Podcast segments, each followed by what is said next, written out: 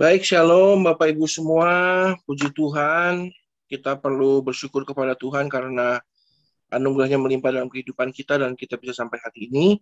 Tentunya hari ini kita masuk kembali dalam uh, GIC atau Grow in Christ 4.0 dan biar hari ini kita belajar sesuatu dari Tuhan untuk kita bisa lebih baik lagi melayani Tuhan dan juga menjadi anak Tuhan.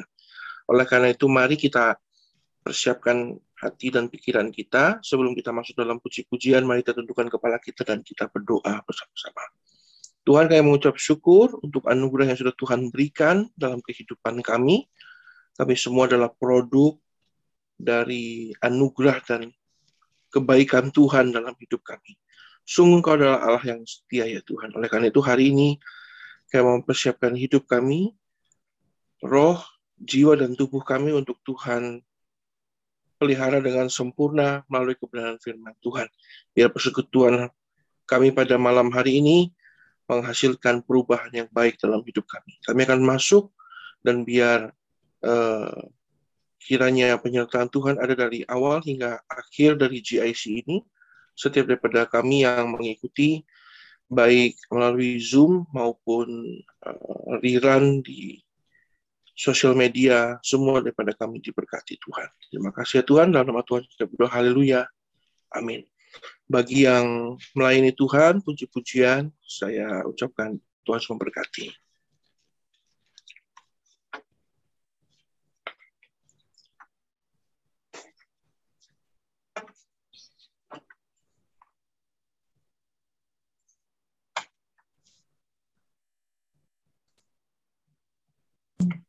Halo, Santi. Shalom semuanya, mari sama-sama kita mengangkat pujian berikut ini.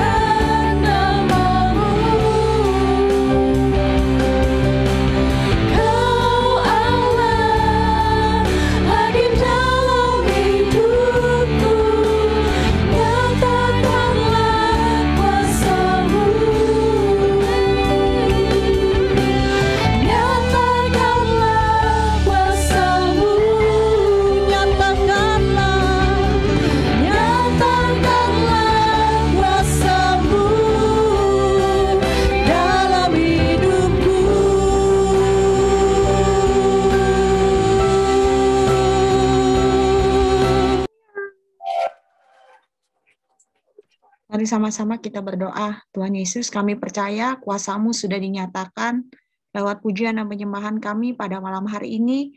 Dan tiba saatnya Tuhan kami akan sharing bersama, biarlah Engkau urapi setiap kami, berikan kami hikmat, biarlah apa yang kami sharingkan pada malam hari ini, kami percaya boleh memberkati setiap kehidupan kami. Urapi juga hambamu yang menyampaikan, kami percaya ada kuasa menyertai hambamu yang menyampaikan firman. Terima kasih Bapak, kami mengucap syukur hanya di dalam nama Tuhan Yesus. Haleluya. Amin. Shalom semuanya. Halo. Senang sekali pada hari ini kita kembali berjumpa sesudah libur yang panjang dan teman-teman semua tentunya sudah balik lagi kepada rutinitas. Uh, saya mencoba menyampaikan renungan pada malam hari ini yang mana minggu yang lalu sebelum kita libur lebaran kita sudah membahas tentang baptisan ya. Nah, uh, minggu ini kita juga akan tetap membahas uh, tentang baptisan supaya kita mengerti dan kiranya kita malam ini akan melihat beberapa bahasan yaitu dasar baptisan, rumusan baptisan dan makna baptisan. Mari kita mulai ya.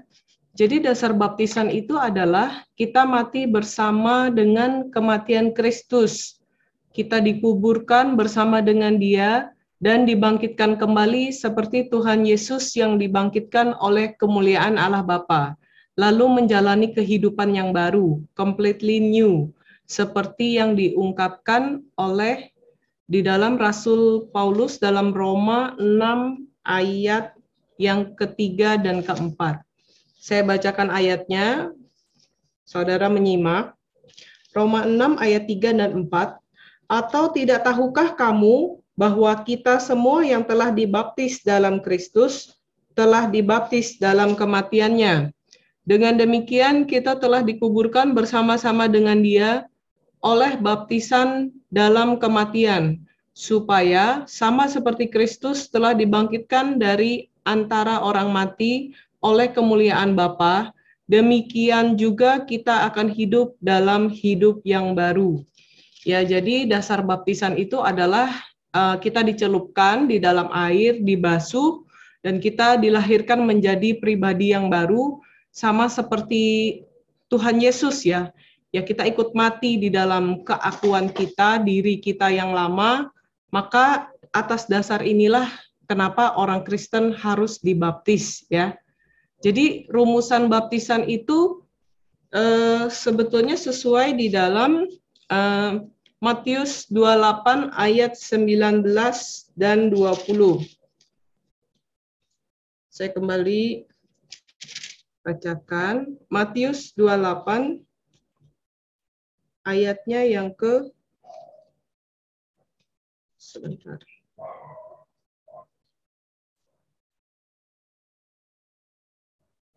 Matius 28 ayatnya yang ke-19.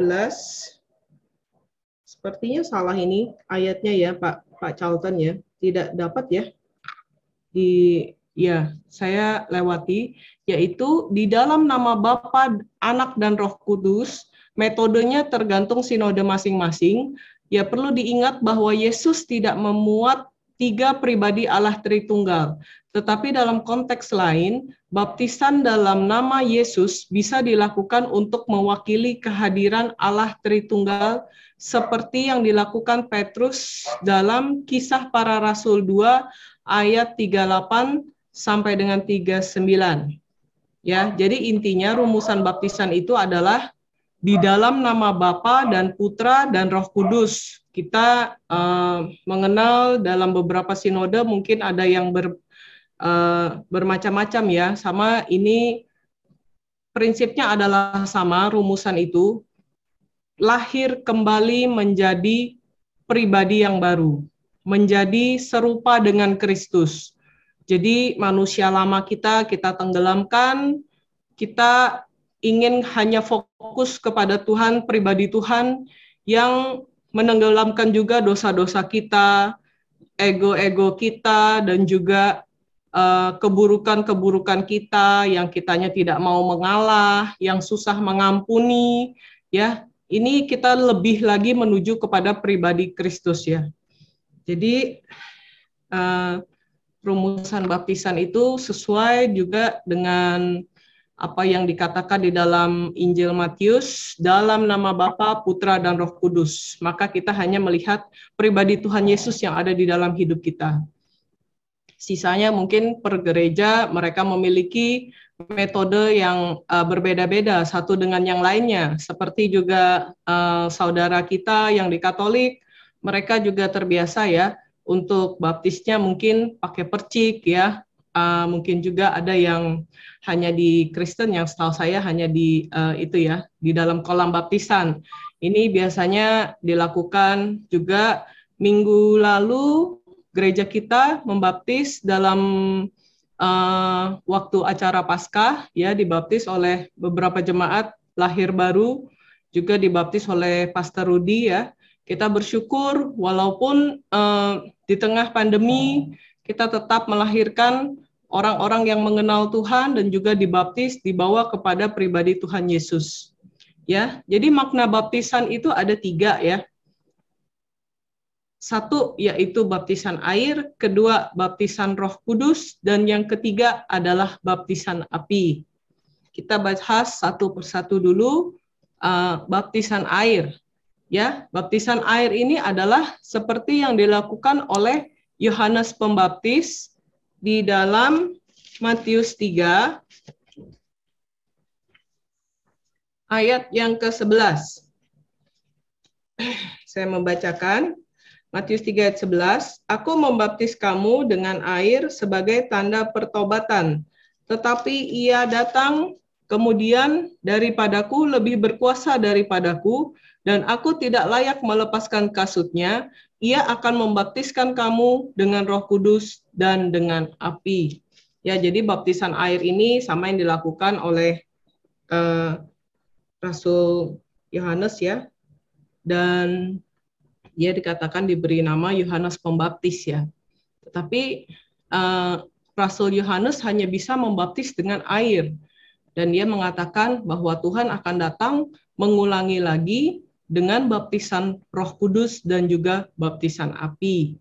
Ya, jadi mungkin ada tingkatan-tingkatan kemurnian-kemurnian dalam baptisan itu uh, untuk kita pribadi pribadi kita menjadi semakin hari semakin murni.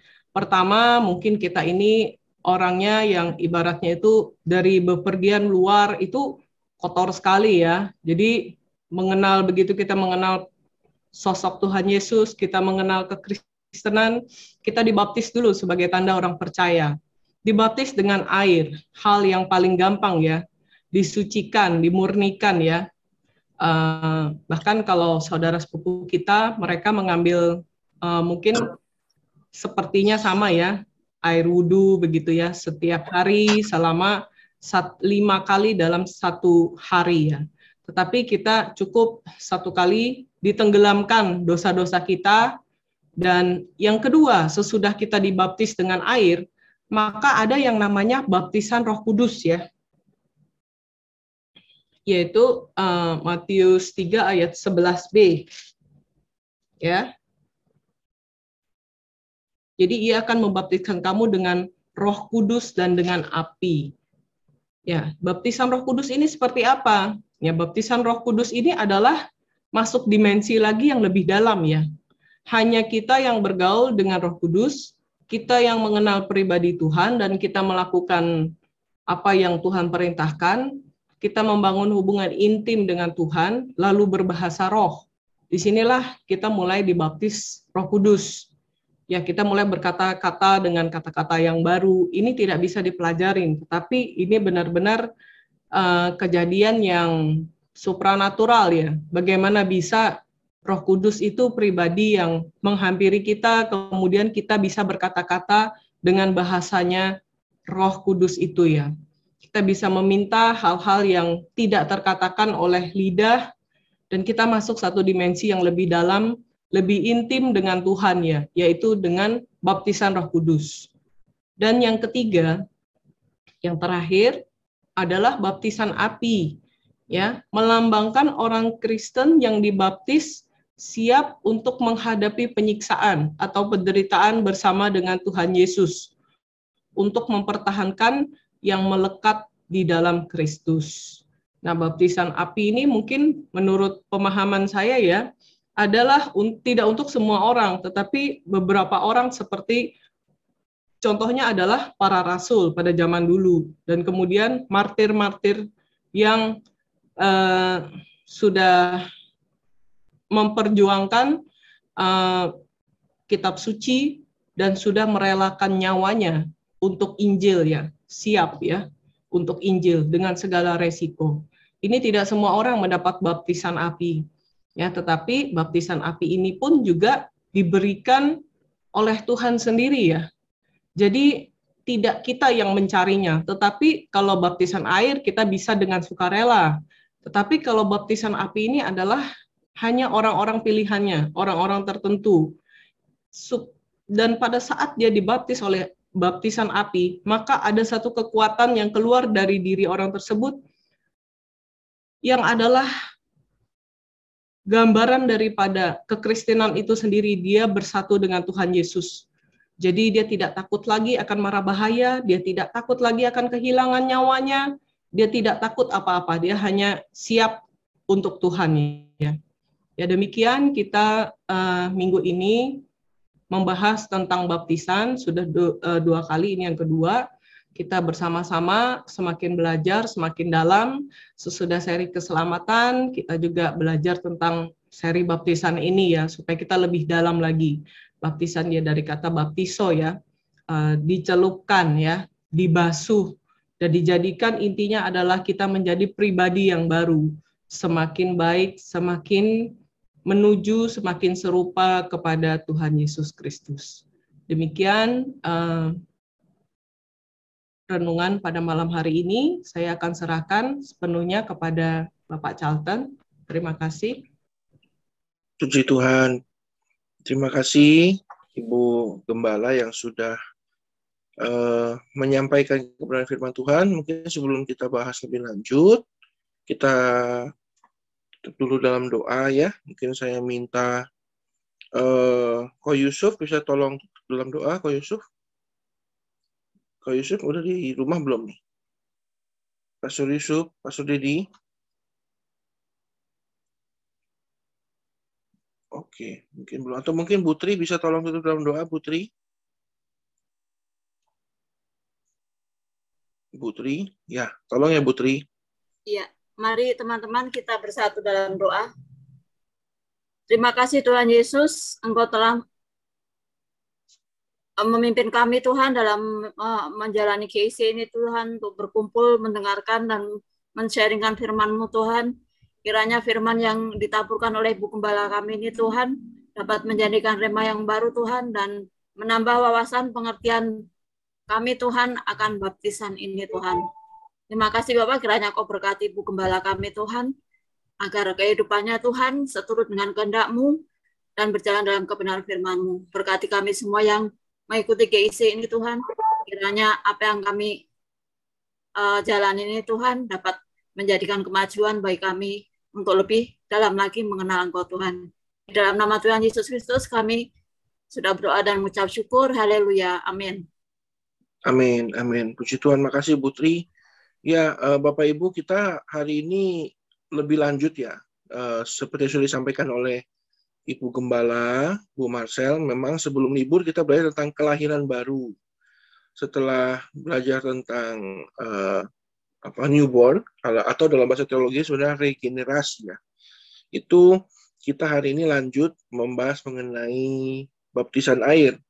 Nah, ini perlu supaya persekutuan kita juga jadi berkat buat yang lain. Jadi kalau ada orang-orang yang mau mengenal Tuhan, mereka jadi tahu nih urutan-urutan menjadi anak Tuhan itu seperti apa. Jadi kita tuh makanya belajarnya kontinu ya.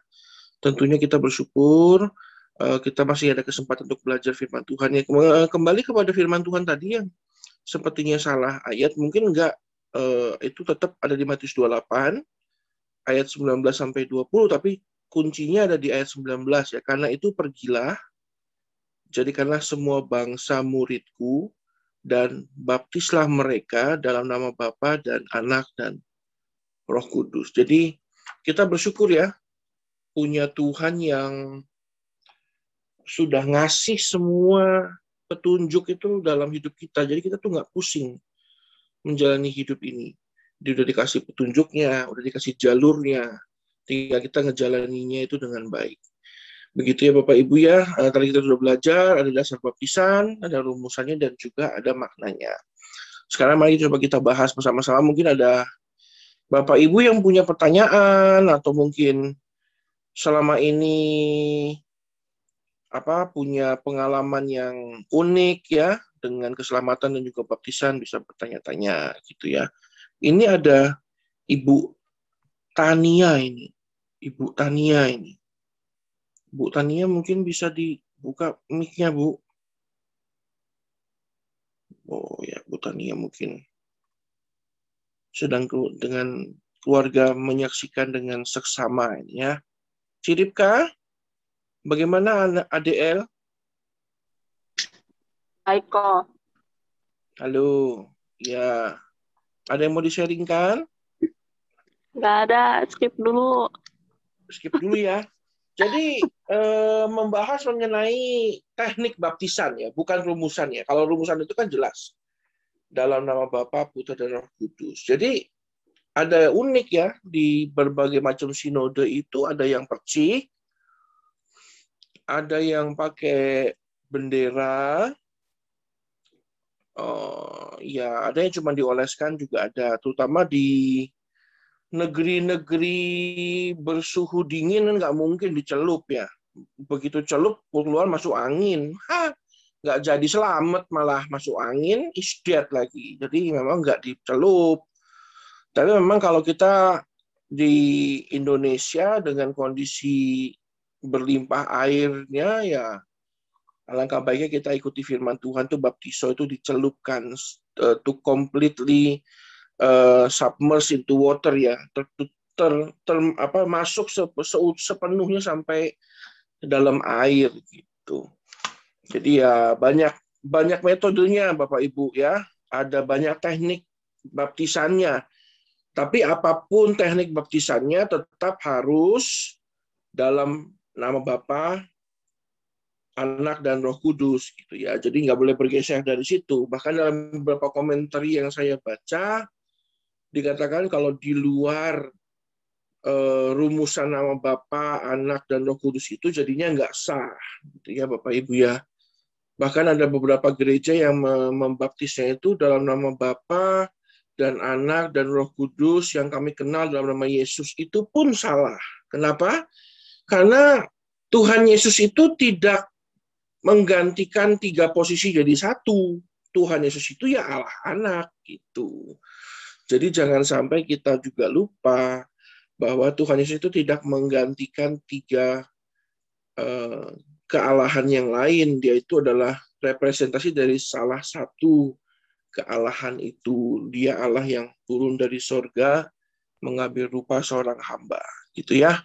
Bapak Ibu ya, puji Tuhan. Kita belajar satu hal baru hari. Mungkin Butri apakah ada pengalaman menarik Butri tentang keselamatan atau dengan baptisan Butri? Ya, kalau pengalaman sih setelah dibaptis itu kan kita lahir baru kan ya Pastor ya. Jadi ya memang memang ibaratnya memang karena anugerah Tuhan juga kita bisa uh, mengalami itu gitu. Tapi menurut saya sih kalau memang bukan karena anugerah Tuhan ya walaupun kita sudah dibaptis kan bisa jadi juga masih tetap memakai baju yang lama ibaratnya begitu kan. Jadi pertanyaan saya sih sebenarnya saya ada yang mau ditanya. Ah iya monggo. Monggo Bu, monggo Bu. Nah, itu apakah kalau kita uh, jatuh dalam kesalahan gitu ya, yang fatal ibaratnya kita kan mengerti udah ditebus sama Tuhan jadi apa-apa yang tidak boleh kita lakukan tuh kan kita sudah mengerti. Tapi karena kita kan masih ada kedagingan jadi ada ada apa ya namanya godaan setan gitu jadi kita berbuat fatal. Hmm. itu apa perlu kita harus baptis lagi gitu baptis selam lagi. Dan uh, ini apa pastor saya kan sudah pernah baptis perci terus mengalami lagi jalani lagi baptis Islam lagi pindah gereja gitu. Itu apa termasuk kesalahan atau bagaimana itu? Ya saja sih. Jadi uh, saya perlu jelaskan dulu dari yang kedua. Uh,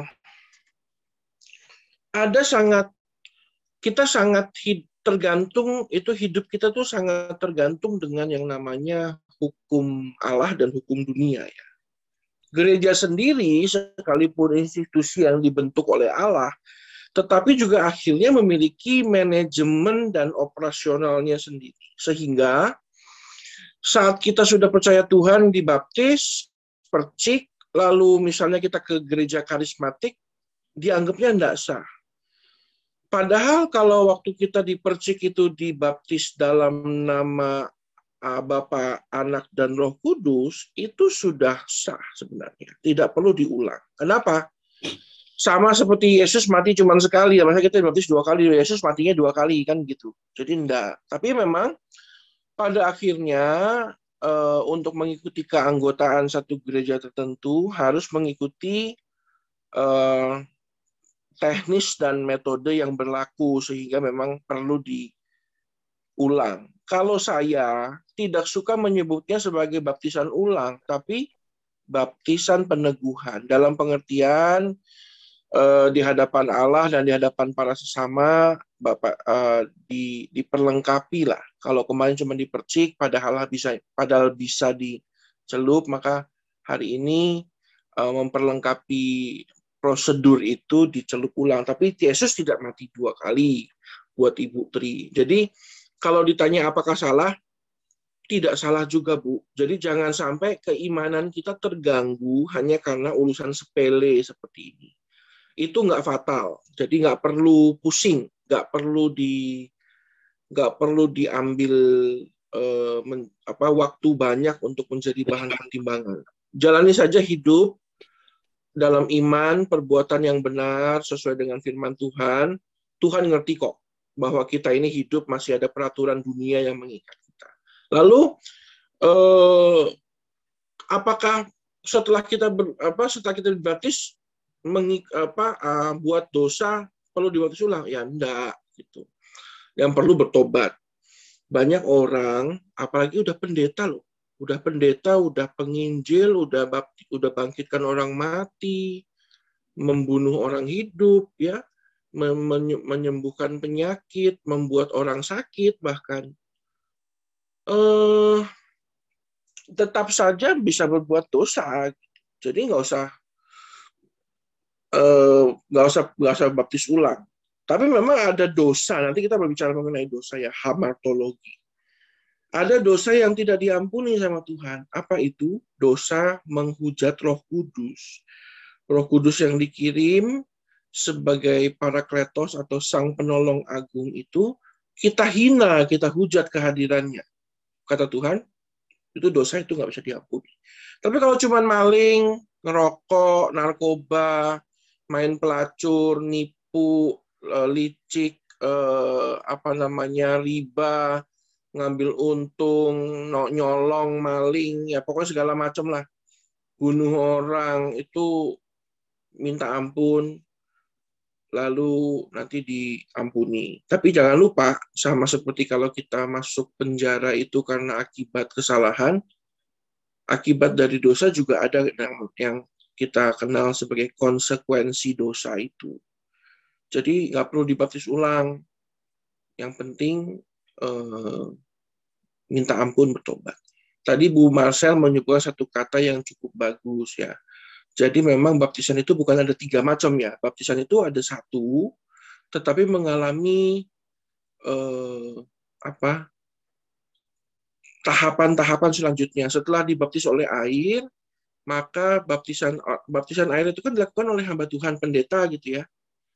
Nah, baptisan Roh Kudus dilakukan oleh, tidak lagi oleh pendeta. Baptisan Roh Kudus itu dilakukan sendiri oleh Tuhan. Jadi Tuhan datang memperlengkapi hidup manusia. Lalu adanya namanya baptisan api, baptisan pemurnian itu untuk mempoles hidup kita jadi lebih tajam.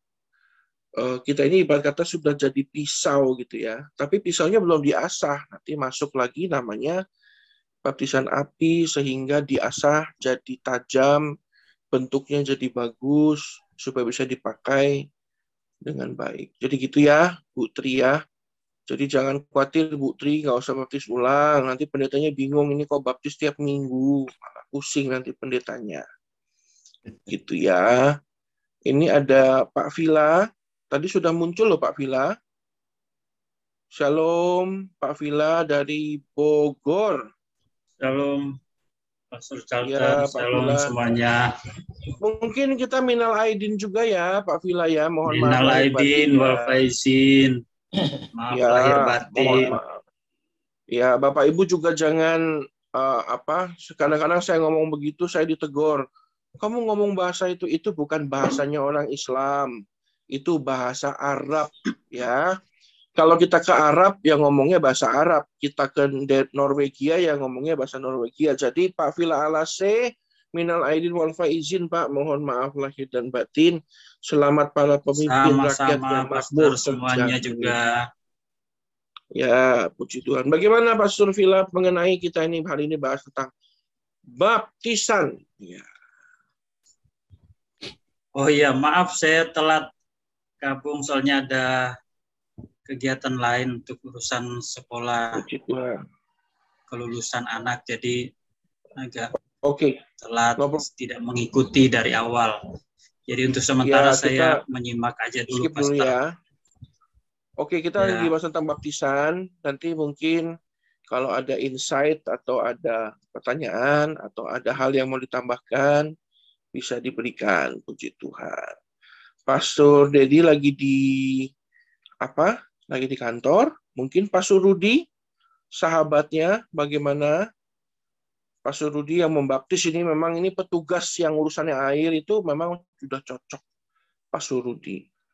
Bukan Pastor Fendi, apalagi bukan saya. Ya, saya masuk kolam baptisan yang punya kolam ngamuk, airnya juga nggak ada ya, sayang sekali. Pas gimana Pastor Rudi Ya, shalom. sebagai Shalom Ya, Pastor shalom Rudi. hambanya. Ya, shalom semuanya. Ya, kalau saya pribadi ya saya banyak belajar mengenai cara membaptis karena yang saya pegang ini selama saya membaptis itu di dalam kuncinya ada di dalam Yohanes 3. Eh, manusia ketika mau dibaptis itu harus dilahirkan dari air dan roh. Eh, jadi sesuai prinsip eh, kebenaran firman Tuhan itulah yang saya lakukan. Iya. Ya, seperti Jadi itu aja. memang Bapak Hmm. Ya, justru melengkapi sekali ini. Makasih banyak Pak Surudi dan terutama saya saya ya pribadi ucapkan terima kasih karena sudah sangat konsisten sekali melayani jiwa-jiwa, dibimbing sampai dibaptis. Yaitu bukan pekerjaan yang mudah. Kenapa? Karena melawan kuasa gelap, memindahkan dari terang ke ter, uh, dari gelap ke terang itu bukan pekerjaan mudah ya. Tentunya ada banyak tantangan-tantangan. Puji Tuhan. Makasih. Jadi Bapak Ibu, ini Pak Surudi ini memang PIC atau dia dialah jenderal ya di balik baptisan yang ada di Yaka ini. Jadi memang betul Yohanes 3 itu menyebutkan bahwa uh, kita itu lahir manusia lahir itu tidak hanya dari apa tubuh jiwa jasadnya tapi juga dari air dan juga dalam roh. Betul sekali. Jadi jangan hanya kita sibuk mengikuti prosesinya saja dibaptis air udah. Oh enggak. Rohnya juga perlu diperlengkapi, diperbaharui.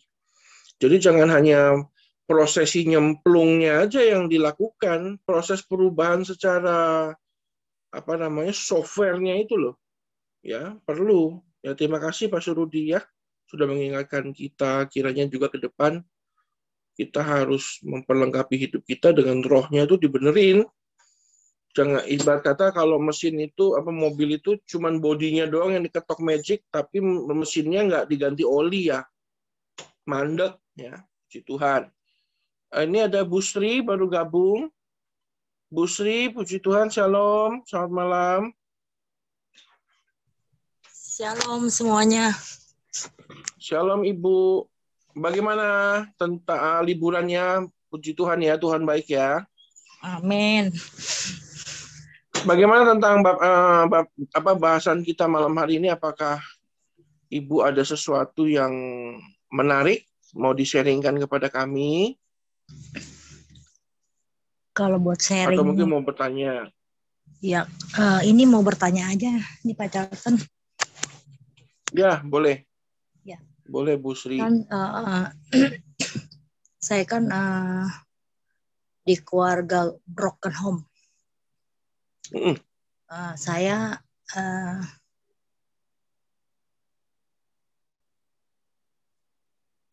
tidak dibesarkan dengan seorang ayah. Oke, jadi karena broken home ibu ditinggal ya? Sebenarnya saya nggak kuat mau bicara. Hmm, hmm. Take your time, Bu. Uh, pemulihan itu dimulai dari sebuah keterbukaan. Kita perlu permalukan iblis. Jadi, permalukan iblis dengan menceritakan hal yang paling tidak enak. Nanti Tuhan akan berikan kelegaan. Makanya Tuhan pun menegur perempuan Samaria itu di tengah-tengah sumur, Bu. At the center of the town, ya. Itu maksudnya adalah Tuhan membiarkan dosa itu terbuka di tengah-tengah kerumunan orang banyak. Jadi ada satu kelepasan, ada satu perubahan, satu pemulihan ya. Puji Tuhan. Jadi Bu Sri kalau udah siap, bagaimana tadi ditinggal ayah ya? Ah, dengan dengan sekian lama saya baru tujuh tujuh tahun saya ditinggal dari umur saya tujuh tahun ditinggal seorang ayah. Hmm. Nah sekarang giliran saya sudah berumah tangga, dia mencari saya. Mau oh, sekarang nyari ibu. Hmm. Dan sekarang tinggal sama saya. Hmm, puji Tuhan. Nah, di sini saya belajar tentang kerendahan hati. Oh iya. Ya. Bahwa tuh bahwa saya ini mau menerima dia. Kalau Tuhan Yesus nggak ada di hati saya, mungkin saya nggak bisa menerima. Ya, betul. De dengan berat hati sebenarnya saya berontak, tapi saya bersusah uh, saya berusaha sekuat sekuat tenaga sesuatu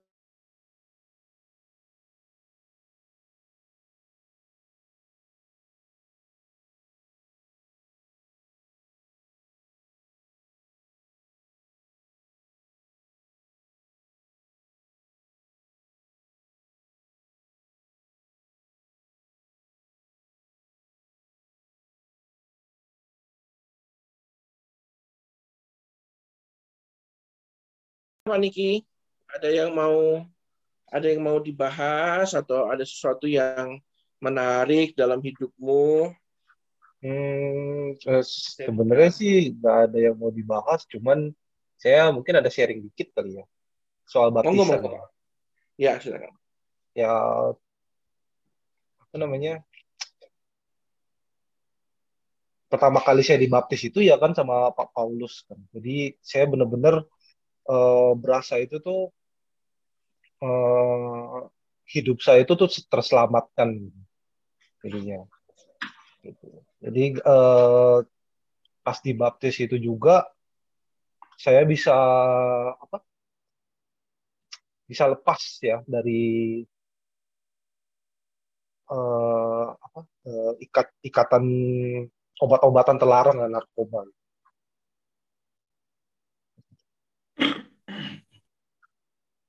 Oke, lalu gimana? Memang salah satu efek dari baptisan itu adalah memutas, mematahkan kutuk dosa dan juga kutukan keturunan ya.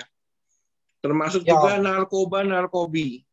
Ya, kali itu makanya kan saya eh, kalau eh, pernah eh, apa namanya cerita gitu, misalnya kalau sama teman-teman saya dulu ini saya pemakai gitu, dia sampai bingung, kok sekarang udah nggak make, kok bisa gitu. Saya kan cuma bilang eh, Tuhan saya hebat gitu. Ya karena saya dibaptis, saya bisa lepas dari semuanya. Dan bap- eh, bagi saya waktu itu saya dibaptis itu tuh saya udah benar-benar terikat sama Kristen gitu, jadi sama Tuhan Yesus. Jadi sekali Yesus ya tetap tetap Tuhan Yesus. Jadinya itu komit saya. Ya cuma share gitu doang sih, Pak eh, Pak Charlton. Pak Charlton. Ya. Jadi banyak orang bilang, aduh kamu tuh masuk-masuk air ngapain? Eh jangan lupa, baptisan itu rupanya ada, ya sorry kalau saya sebut ini ya, efek magisnya itu ada. Ah ya saya setuju banget.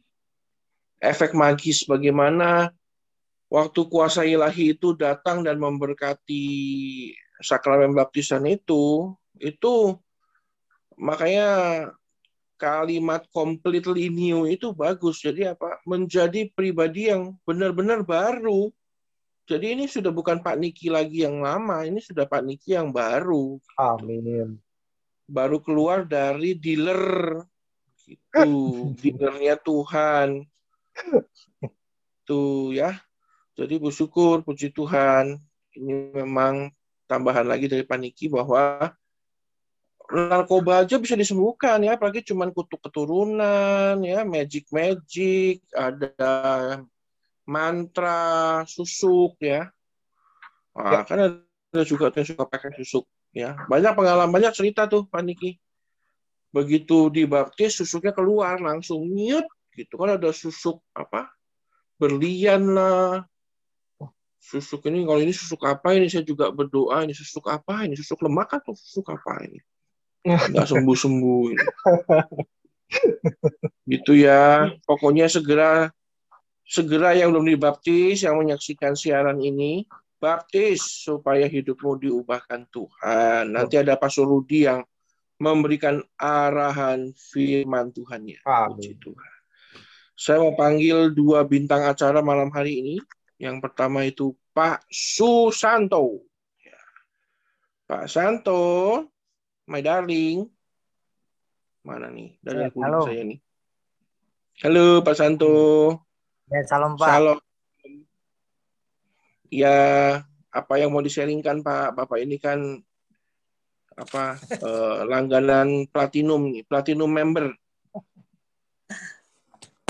Ya, tentang baptisan, kalau menurut saya sih memang kita sudah tahu kalau baptisan air itu lahir baru, yaitu diselamatkan. Kalau menurut saya yang baptisan Roh Kudus, kita menerima kuasa untuk hidup dalam kesucian dan kuasa dalam pelayanan yang efektif menurut saya. saya punya efektif. pertanyaan Pak. Saya mau bertanya Pak, apakah ketika orang yang percaya dibaptis dengan air, semuanya menerima baptisan Roh Kudus ya Pak? Itu satu. Pertanyaannya saya itu. Pertanyaan, doang. nah, pertanyaan kedua, Hmm. ah, maksud dan tujuannya baptisan api apakah salah satunya menyangkal diri, menyangkal diri dan memikul salib ya Pak? Itu sih. Hmm. Apakah itu seperti itu gitu? Hmm. Itu pertanyaan saya kedua. Eh, makasih Pak. Mohon ya, jawabannya. Puji, puji Tuhan gak ada yang ketiga. Jadi pertanyaan yang pertama itu baptisan apa tadi? Pertanyaan yang pertama Pak? Saya jadi bingung. ketika orang percaya dibaptis diselamatkan, baptisan air, apakah Langsung semua orang di... menerima nah, baptisan Roh Kudus? nah, baptisan air itu kan dilakukan uh, di hadapan orang banyak dan memang di, diminta untuk dilakukan di hadapan orang banyak supaya banyak saksi gitu kan.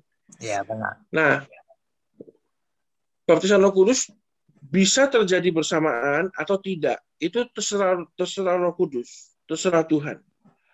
Benar-benar pengaturan waktunya itu suka-sukanya Tuhan. Oh. Nah, baptisan Roh Kudus itu hanya terjadi waktu tuh waktu si apa uh, orang ini sudah dianggap layak oleh Tuhan untuk uh, menerima uh, apa namanya il keilahian yang begitu besar itu masuk dalam tubuh dia. Sehingga dia penuh itu. Penuh. Makanya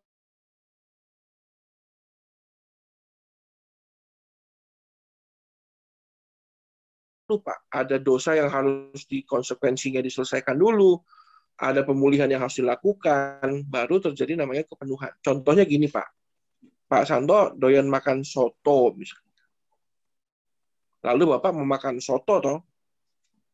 Nah, kan nggak mungkin Pak taruhnya di mangkok kotor. Nah, mangkoknya itu harus dibersihkan dulu. Nah, setelah dibersihkan, si pemilik sotonya ini harus pastikan dulu, ini bersih nggak, layak nggak. Kalau eh, masih kotor dicuci lagi, kalau mangkoknya pecah atau bocel atau bocor ya diganti dengan yang baru kan gitu. Baru soto Betawi yang begitu nikmat itu dituang ke dalam mangkok itu sampai penuh. Ah, jadi memang dicuci dulu betul Pak, tapi dipastikan pantas atau tidak gitu kan nggak mungkin Pak. Eh, misalnya sop apa ayam gitu kita taruh di mangkok yang bocor itu kan nggak mungkin. Mangkoknya itu jadi dibetulkan dulu, diservis dulu. Gitu. Jadi yang pertama menjawab yang pertama tidak langsung pak. Itu jangan oh, tanya saya kapan. Itu terserah hmm. Tuhan waktunya. Dia yang punya standar sendiri ya. Lalu yang kedua apakah baptisan apa? Baptisan api uh, Tujuannya baptisan api itu seperti seperti dan memikul enggak. salib. Jadi baptisan api itu uh, satu kekuatan ilahi yang Tuhan berikan, pemurnian itu. Jadi Tuhan dengan sengaja memulihkan hidup kita dengan cara dimurnikan, dibakar dalam masalah. Tapi mengenai sangkal diri dan pikul salib itu kewajiban, Pak kewajiban. Tuhan bilang, Tuhan bilang, sangkalah dirimu dan pikulah salib kuk yang kukenakan padamu dan karena itu mudah gitu katanya Tuhan. Jadi itu kewajiban, tapi mengenai jadi gini, semua orang harus pikul salib. Tapi tidak semua orang dibaptis dalam api. Kalau Tuhan nggak mau pakai dia, Tuhan nggak akan baptiskan dia dalam api. Dalam pengertian hidupnya dia tuh nggak di nggak di upgrade. Jadi gini, emas itu kalau dari tambang pak, itu bentuknya nggak bagus pak, dan juga kandungannya tidak 99,99% persen murni, perlu masuk dalam api. Nah, kita semua ini eh, emas pak, tapi nggak semuanya murni. Yang mau dipakai di lengan jadi gelang atau di kuping jadi giwang, jadi anting, ya harus ditempa dulu. Nah, waktu Tuhan mau pakai hidup kita seperti kita pakai gelang atau pakai kalung, ya mau nggak mau emas yang mahal ini ditempa dulu dalam api. Nah, jadi semua orang itu emas, Pak, keluar dari tambang. Tapi tidak semua orang ditempa dalam api. Tergantung Tuhan mau pakai atau enggak. Gitu. Makanya ada orang ya seumur hidupnya ya biasa-biasa saja, nggak melayani Tuhan. Kita lihat dari dulu jualan sayur sampai sekarang jualan sayur, Tuhan nggak pakai dia. Ada juga. Kenapa? Ya mungkin karena dia juga nggak mempersiapkan diri, melayakkan dirinya. Tapi begitu sampai sesuai dengan standarnya Tuhan, Tuhan murnikan dalam api, baptisan api, dipakai, Pak.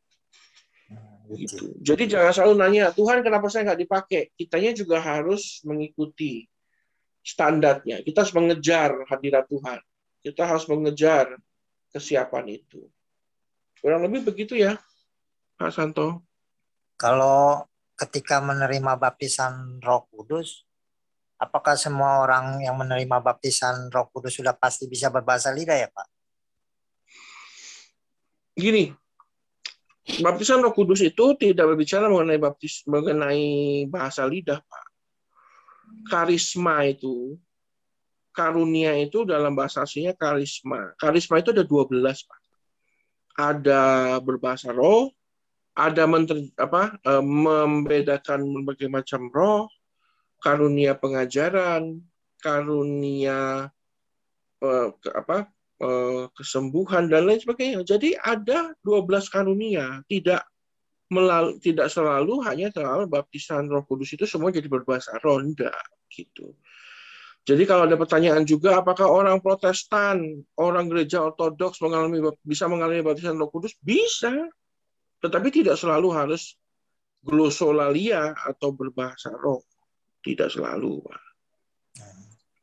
Itu kan kebiasaan kita di gereja karismatik. Gitu. Enggak, enggak selalu, Pak. Enggak selalu glosolalia atau bahasa roh, Pak. Oke, makasih Pastor. Ya, siapa? Terima kasih. Kita di pertunjukan kepada Tuhan kuasanya sesuai dengan apa yang kita paham. Kalau kita di gereja karismatik ya Tuhan akan tunjukkan kehadirannya dengan bahasa roh. Kalau bagi orang-orang yang hidup dalam pengajaran ya Tuhan akan berikan kalimat-kalimat hikmat Amen. Jadi hmm, kita dipertontonkan kehadiran Tuhan dengan apa yang kita paham dalam konsep berpikir kita, gitu ya Bapak ya, ya Bapak Ibu ya. Jadi jangan jangan terikat dengan Eh, bahasa roh atau guru solalia tadi. Gitu ya. Pak Hendri Giovanni sebagai penutup malam hari ini kontestan ya. terakhir. Ya shalom semuanya. Shalom Pak Hendri. Uh, ini saya paling mau nanya nih Pastor Charlton kan kebetulan juga kan uh, baptisan yang uh, tentang apa temanya baptisan kebetulan mm -hmm. saya juga sudah dibaptis. Mm -hmm. uh, saya masih apa masih masih masih belum paham tentang baptisan Roh Kudus yang tentang hmm. baptisan Roh Kudus ini Pastor Dalton. Uh, ya. Jadi uh, sesungguhnya itu uh, baptisan Roh Kudus ini setelah dibaptis atau setelah kita menerima Tuhan Yesus tapi sebelum dibaptis atau atau oh, atau gimana ya? Saya, baptisan uh, baptisan Roh Kudus hanya bisa terjadi setelah baptisan air, Pak nggak akan mungkin sebelumnya. Nggak oh, jadi mungkin. Oh, ya terima Gak kasih Pastor Taton. Terus sama ini Pastor Taton nanya juga. Jadi uh, kayak contohnya tentu kan uh, kayak saya begini kan dari bukan dari maksudnya bukan dari yang keturunannya memang orang Kristen atau memang asalnya mm -hmm. mama papanya dari orang Kristen. Saya kan tentu kan uh, bisa mau terima Tuhan Yesus kan kan karena bimbingan nih. Tentunya pasti kan karena bimbingan. Nah, bimbingannya ini kan saya berpikirnya mungkin Roh Kudus waktu itu. Mohon maaf ya kalau saya salah Pastor Cantu ini kan teman hmm, hmm, hmm. uh, kita sharing ya. Jadi saya berpikirnya mungkin Tuhan tuntun saya ini loh ke sini gitu. Maksudnya saya berpikirnya sebelum sebelum ini kita apa? Maksudnya sebelum kita uh, berbicara ini saya sebelumnya kemarin-kemarin berpikir seperti itu. Jadi saya berpikirnya uh, asalkan kita menerima Tuhan Yesus, uh, walaupun sebelum dibaptis, tapi kita percaya itu sudah menerima Roh Kudus itu. Uh, tapi kalau ternyata seperti ini kan saya juga kan baru baru tahu gitu maksudnya. Jadi saya mohon maaf kalau Nah. saya Jadi menerima Roh Kudus dengan baptisan Roh Kudus itu beda dua hal yang berbeda, Pak. Oh, saya juga nggak suka menyebutnya sebagai menerima Roh Kudus. Roh Kudus itu, Pak, nggak peduli Bapak itu dari keluarga yang dari dulu dari nenek moyangmu itu nggak kenal Tuhan itu nggak masalah. Kenapa? Tidak menutupi sebuah kenyataan bahwa semua manusia di muka bumi ini ciptaan Tuhan namanya ya ciptaan Tuhan Allah Bapa, Adonai, Elohim, pencipta langit dan bumi. Jadi walaupun Bapak ini dari keturunan nenek moyang yang bukan orang Kristen atau orang Katolik itu, nggak masalah. Kenapa? Tetap mengerucutnya kepada satu kenyataan kita ini ciptaan Tuhan, namanya Allah Bapa. Itu. Nah, eh, lalu bagaimana Bapak bisa tiba-tiba dituntun untuk ketemu dengan Rasul Paulus atau dibaptis? Itu karena memang Roh Kudus dalam hatimu itu Pak yang menarik engkau. Jadi semua orang dalam hatinya ada Roh Kudus nggak ada, Pak. Roh Kudus itu ada dalam hidup semua orang, cuman aktif atau enggak aja. Nah, Bapak waktu mungkin satu hari mendengar firman tanpa sengaja atau tiba-tiba mendengar Pak Paulus Eko khotbah, Bapak Roh Kudus itu aktif, Pak. Tombolnya di-on-kan, cetlung. Cuma mungkin wattnya kecil. Eh, apa kayak lampu 4 watt, ah nggak cukup terang. Diganti sama Tuhan yang 8 watt, ah lumayan. 15, 23, 27, 32, 40 watt, langsung 1000 watt. Bapak dibaptis air. Baptisan air baru menuju baptisan roh kudus. Gitu Pak. Jadi itu gradual Pak. Tahapan, sebuah tahapan. Itu. Jadi Bapak nggak usah khawatir Pak. Bapak ini Uh, sudah menerima Roh Kudus dari lahirmu, ada dalam hatimu, tinggal diaktifkan saja. Yang mengaktifkan Roh Kudus dalam hatimu ya Pak Paulus Eko itu. Gitu. Baik, terima kasih banget Pak Pastor Telton. Hmm, Sama ini Pastor Telton. Nah, Hmm. saya juga sebelumnya juga nah ini pertanyaannya sebenarnya udah dijawab sih tadi cuman saya mau meneguhkan lagi tadi udah ditanyain Pak Santo ya mengenai bahasa roh juga. Nah, bahasa roh ini sebenarnya kan karunia ya dan tidak bisa dipelajari kalau kalau Hmm. saya ini ya. Cuman dahulu kan saya ini tahun 2009 itu saya pernah ke gereja juga Pak cuman ya itu dahulu kan karena saya suka sama istri saya, saya ngejar dia ke gereja, tapi hatinya itu nggak ke sana gitu. Maksudnya hatinya nggak ke Tuhan. Hmm. Iya, iya, iya. Nah, Nyari di jodoh dalam di gereja ya, Pak? itu Iya betul. Jadi hatinya nggak ke Tuhan, hanya tujuannya ke istri gitu maksudnya waktu zaman dahulu, waktu tahun 2009. Saya kan dengar bahasa roh itu, tapi mereka pelajari saya jadi makin bingung ini kok bahasa dia ya bahasa, bahasa tapi kan saya ngikut gereja Yaka ini kan udah ya lumayan hampir sudah lama juga jadi saya paham ternyata bahasa roh itu tidak bisa dipelajari dan saya juga nah makanya itu sebuah karunia itu uh, kalau nggak bisa dipelajari apakah setiap orang kayak tadi sebenarnya pertanyaannya juga sama sih cuma apakah bahasa roh itu memang diperlukan untuk kita ber- bisa maksudnya uh, lebih dekat ber- uh, bertanya sama Tuhan atau bagaimana berdoa sama Tuhan? Ah, Ya. itu maksudnya itu. Apakah itu lebih baik punya bahasa roh atau lebih uh, atau enggak gitu maksudnya gitu. Itu sih karena saya Ya, saya sendiri pernah masuk sekolah bab. Saya pernah menyusup Pak ke sekolah bahasa roh. Itu tulis ditulis Pak. Sakaran dalam baya sandal lama sandal baru bala-bala gorengan sayur gorengan sayur sarung baru sarung lama itu ditulis itu terus suruh baca baca terus baca terus diingetin terus itu oh gorengan gorengan gorengan sayur lama sayur asem gitu itu salah Kenapa? Itu sebenarnya bahasa roh itu karunia yang diberikan Tuhan untuk kita berkomunikasi dengan Tuhan, tapi iblis nggak tahu. Jadi rohmu connect dengan Tuhan dalam keluhan-keluhan yang tidak terucapkan. Tuhan ngerti. Iblis nggak paham. Iblis nggak bisa intervensi, Pak, di situ. Tetapi mengutip apa yang Rasul Paulus katakan. Dia tegur orang-orang itu. Kenapa kamu berbahasa roh di depan orang banyak? Dalam konteks kerohanian, saya bahasa roh lebih banyak dari kamu. Tapi saya lakukan itu di kamar dalam ruangan yang tersembunyi hanya saya dengan Tuhan. Kalau di hadapan orang banyak, saya lebih banyak bernubuat daripada berbahasa roh. Jadi sebenarnya begini, berbahasa roh itu penting, penting. Tapi kalau memang tidak ada, nggak usah dipelajari, Pak. Kalau memang nggak bisa, nggak usah dipelajari. Biarkan Tuhan yang ngajari. Lalu bagaimana selanjutnya? Bagaimana selanjutnya adalah lakukan apa yang engkau tahu, engkau ngerti. Kalau dalam uh, gereja nggak bisa bahasa roh, bukan berarti Bapak lebih berdosa dari yang bisa bahasa roh, enggak juga. Bapak cuma bisa menggumam, Tuhan terima kasih. Yang lain pada bahasa roh, wow, sikarabala, wow, Bapak cuma angkat tangan, Tuhan terima kasih.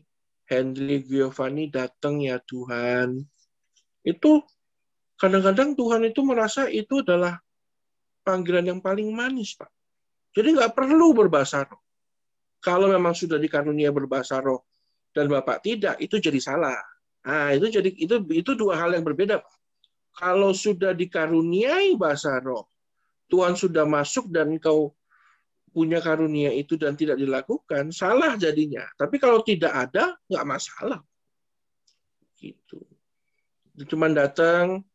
Makanya kan ada satu cerita Pak, cerita kuno. Itu kejadian asli. Orang orang Cina totok datang ke gereja cuman eh Tuhan Yesus ini owe Bapak lu owe datang.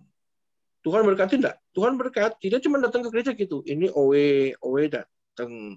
Ini owe owe datang. Tuhan berkati. Enggak perlu bahasa roh. Jadi jangan terintimidasi Pak dengan bahasa roh itu Baik, terima kasih Pak karunia, Ya karena karena saya jadi merasa minder sendiri. Waduh, saya sampai sekarang belum dikasih kasih bahasa roh nih. Jadi saya sangkanya mungkin saya kurang kurang kurang apa ya? Wah, kayaknya masih banyak yang salah nih kayaknya. Bagaimana cara? Jadi mungkin, kayak merasa minder jadinya minder gitu. Mungkin gitu. Tuhan mau kasihnya berkat, Pak, bukan ngasih bahasa roh bisa juga.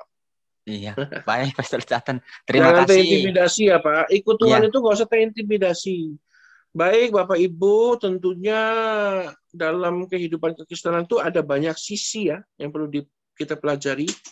Mengikuti GIC 4.0 nanti makin terbuka sisi-sisi menarik dalam kerajaan Allah. Jadi jangan lewatkan, terus ikuti seri pengajaran ini minggu depan.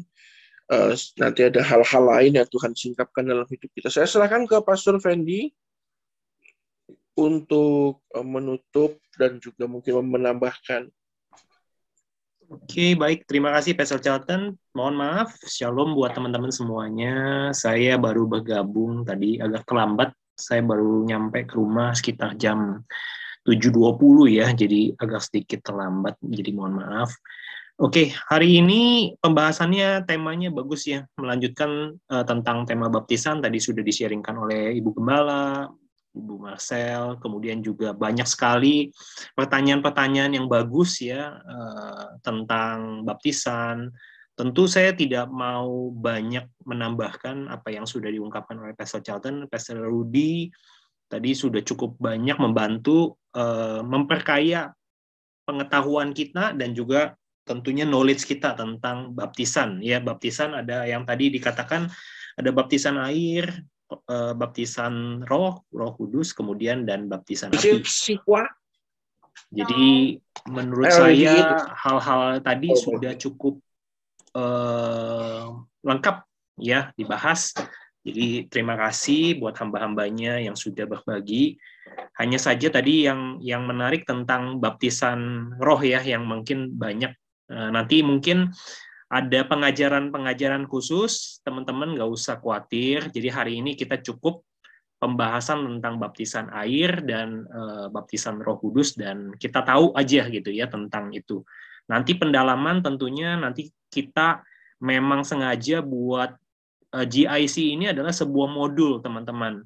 Jadi baik yang mengikuti secara live lewat Zoom meeting ya. Jadi teman-teman yang mau mengikuti secara langsung bisa join setiap hari Selasa setiap jam setengah delapan malam ya setiap hari Selasa.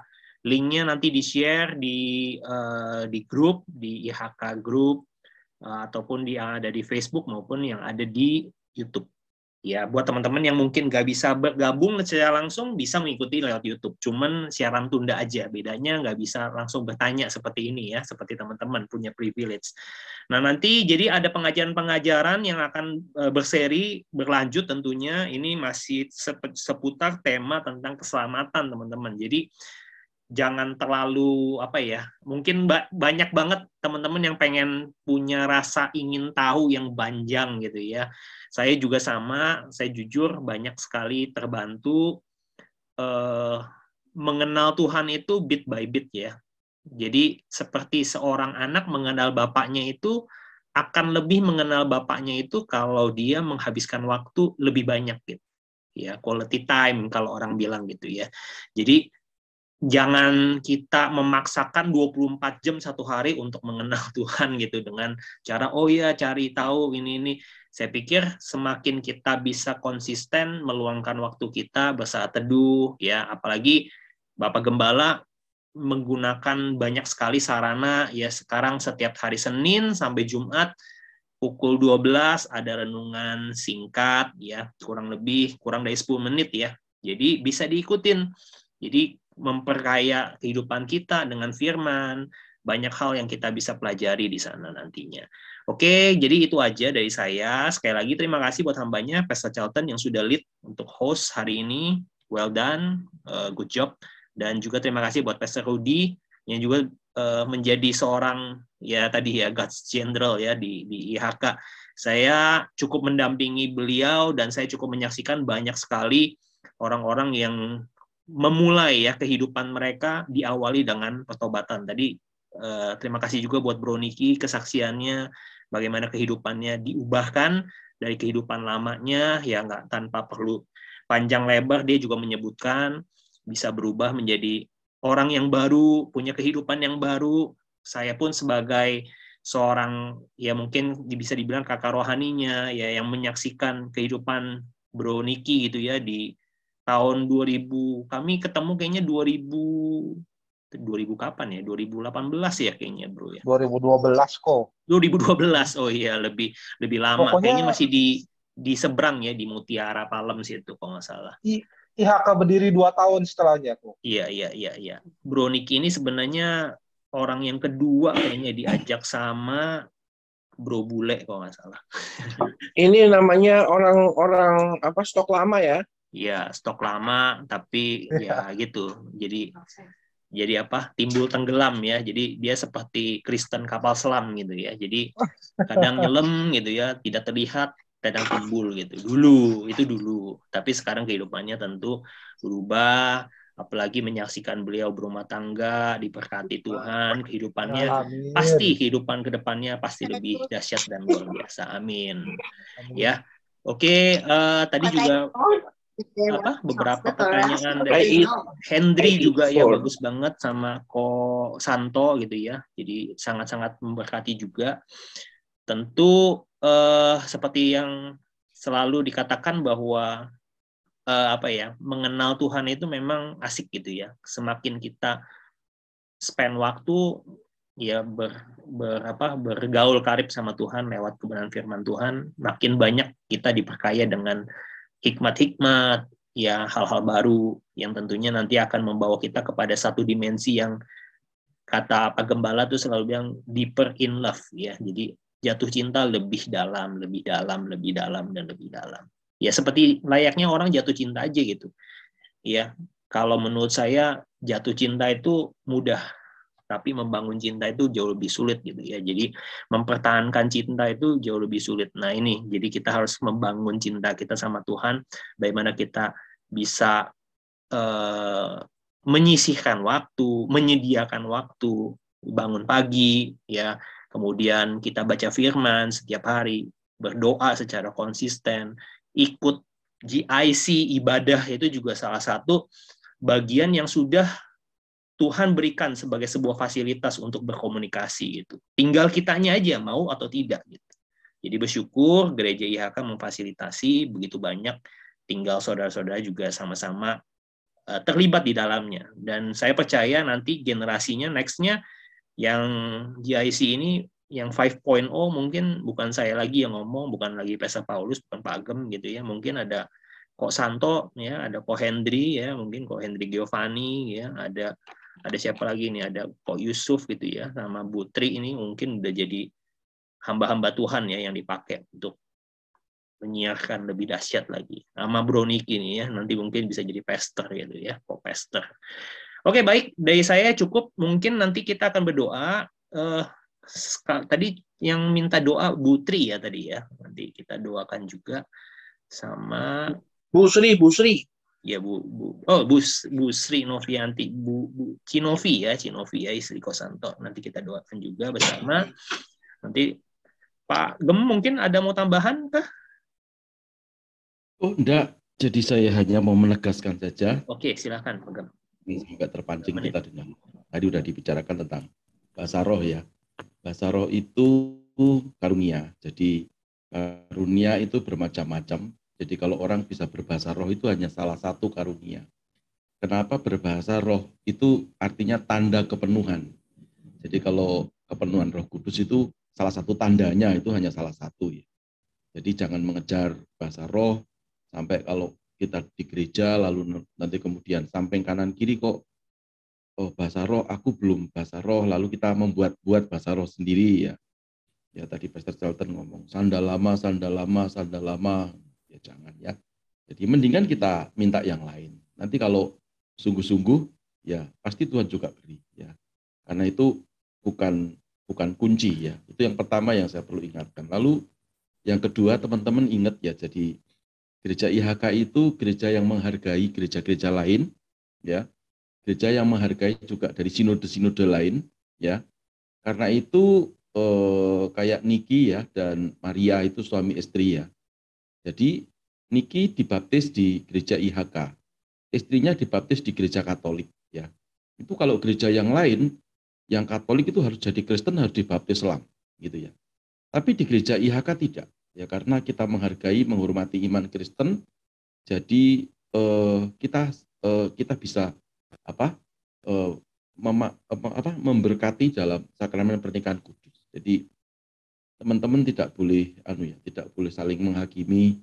Oh ini kalau tidak baptis Islam itu enggak ya. Tapi kalau dengan sendirinya mau dibaptis Islam ya tentunya kita akan juga membaptis Islam. Karena Tuhan Yesus juga dibaptis Islam ya. Kecuali kita hidup di Eropa dan dalam musim dingin gitu lalu mau dibaptis Islam ya mungkin membeku ya kedinginan. Tapi kalau masih di Indonesia ya saya kira oke-oke saja gitu.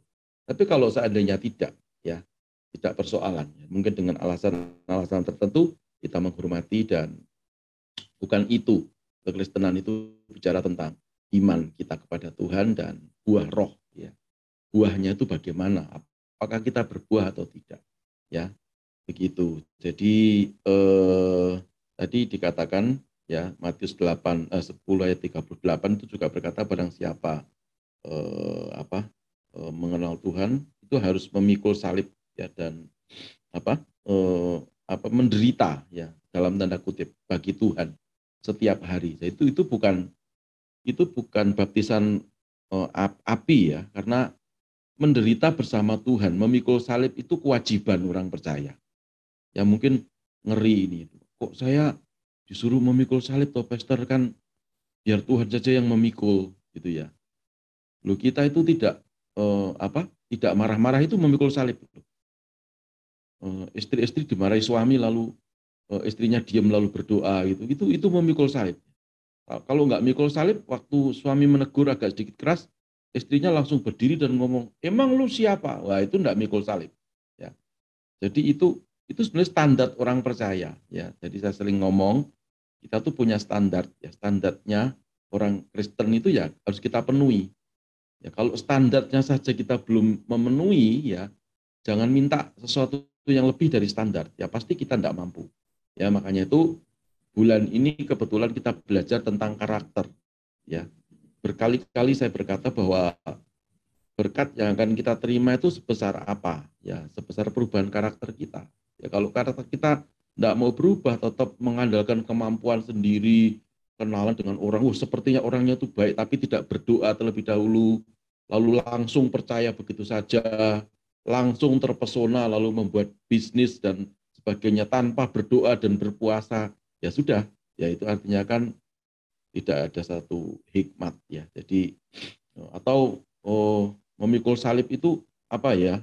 Apa menyiksa diri itu seperti apa? Bukan kita dirinya disiksa, dibanting-banting tidak, tapi tidak mengikuti kedagingan kita itu bagian daripada kewajiban kita sebagai orang percaya. Lalu eh, tadi dikatakan tentang baptisan api ya. Baptisan api itu juga Tuhan mau ya karena itu pemurnian ya. Pemurnian biasanya itu orangnya kenapa perlu dibaptis api ya karena Tuhan mau pakai ya. Mau dimurnikan. Tapi apakah baptisan api itu hanya berlaku untuk orang-orang yang mau dipakai dalam arti pendeta atau orang-orang yang memulai tidak? Jemaat pun juga harus sesungguhnya harus mengalami baptisan api. Itu pemurnian. Baptisan api itu penderitaan loh, kadang-kadang diizinkan habis-habisan. Gitu ya. Karena itu memurnikan kita, gitu ya.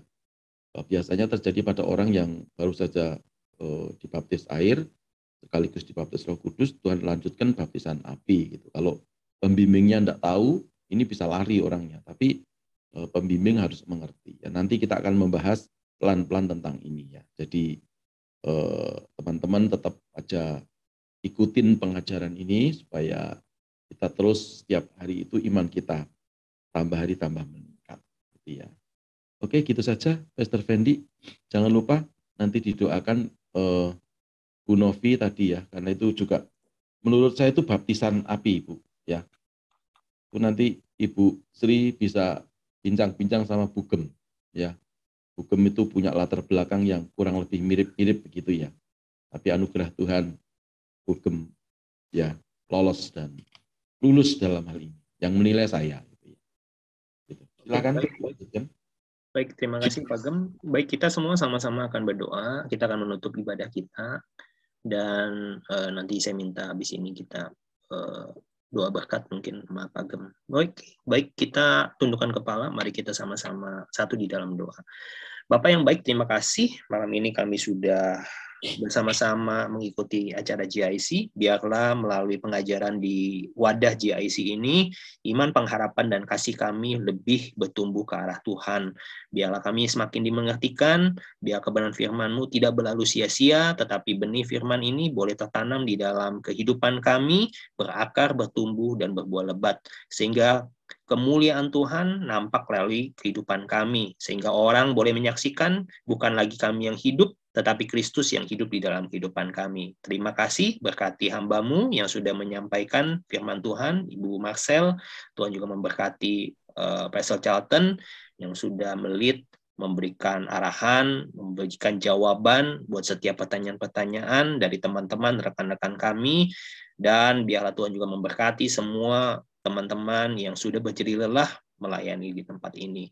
Tuhan memberkati uh, yang menyaksikan secara live uh, partisipan-partisipan yang ada di Zoom, Pak Paulus, kemudian ada Pastor Charlton, kemudian ada uh, Pak Hendri Giovanni, Bu Gembala, uh, Koniki dan keluarga, Pastor Rudi, uh, Ci Ripka dan juga keluarganya, Ci Novi, Ko Santo, Ci Tania, Bu Pastor Villa, semuanya Tuhan, kiranya Tuhan menganugerahkan berkat yang melimpah, berkat kesehatan, berkat sukacita, damai sejahtera turun atas mereka dan juga keluarga mereka. Tuhan kami juga khusus berdoa pada malam hari ini, berdoa secara khusus untuk anakmu yang kau kasihi, yaitu Ci Novi, yang sudah uh, di dalam keluarganya Tuhan menghadapi sebuah pergumulan yaitu tentang ayahnya. Biarlah Tuhan memberikan kekuatan, Tuhan memberikan penghiburan, bahkan Tuhan memberikan kelegaan. Kami percaya segala perkara dapat dia tanggung di dalam engkau yang memberi kekuatan kepada kehidupannya. Sebab dari Yesus Kristus yang hidup di dalam kehidupannya bukan lagi Cinovi yang hidup, tetapi Kristus yang hidup di dalam kehidupannya. Sehingga setiap apa pun yang dikerjakan, kami percaya kasih Kristus memampukan Cinovi melakukan segala hal yang tidak mungkin dilakukan tetapi mampu karena Kristus yang ada di dalam kehidupannya. Kasih Kristus melawat, Kasih Kristus mempersatukan, kasih Kristus juga memulihkan. Di dalam nama Bapa, Putra, dan Roh Kudus. Terima kasih. Kiranya Tuhan juga memberkati setiap keluarga-keluarga kami. Tuhan berikan kesehatan supaya kami uh, minggu depan kami boleh bersama-sama belajar bersama mengikuti uh, arahan lebih lagi Tuhan di dalam acara GIC ini. Terima kasih Roh Kudus, terima kasih Tuhan Yesus. Dan saatnya sebelum kami berpisah satu dengan yang lain, kami akan mengangkat tangan kanan kami, kami akan memperkatakan kata-kata iman kami. Mari teman-teman yang dikasih Tuhan, kita kepalkan tangan kanan kita. Mari kita katakan kata-kata iman tiga kali. Satu, dua, tiga. Saya percaya, saya, percaya. saya anak Tuhan yang penuh dengan kemuliaan Tuhan, hidup dalam kekudusan, sukses di dunia, dan masuk surga. Saya percaya saya adalah anak Tuhan yang penuh dengan kemuliaan Tuhan, hidup dalam kekudusan, sukses di dunia, dan masuk surga. Saya percaya saya adalah anak Tuhan yang penuh dengan kemuliaan Tuhan, hidup dalam kekudusan, sukses di dunia, dan masuk surga. Terima kasih Tuhan Yesus, ini adalah deklarasi iman kami, kami percaya apa yang kami katakan, Tuhan kerjakan dan terjadi atas kehidupan kami sebagai orang percaya di dalam nama Tuhan Yesus. Dan saatnya sebelum kami berpisah, kiranya Tuhan memberkati kami lewat hambamu. Haleluya. Mari semua angkat kedua tangan tinggi-tinggi dalam hadirat Tuhan. Sahabat-sahabatku yang dikasih Tuhan, kita sudah mendengar firman Tuhan dan sekarang terimalah berkat yang melimpah-limpah dari Allah Bapa, persekutuan dan kasih sayang dari Tuhan kita Yesus Kristus, penyertaan, penghiburan, serta kuat kuasa dari Allah Roh Kudus, menuntun, menyertai, juga memberkati kita dari hari ini sampai selama-lamanya di dalam nama Bapa, Putra, dan Roh Kudus, demi nama Yesus Kristus Tuhan. Haleluya, sama-sama berkata, Amin. Puji Tuhan semua. Selamat malam. Tuhan Yesus memberkati. Puji Tuhan.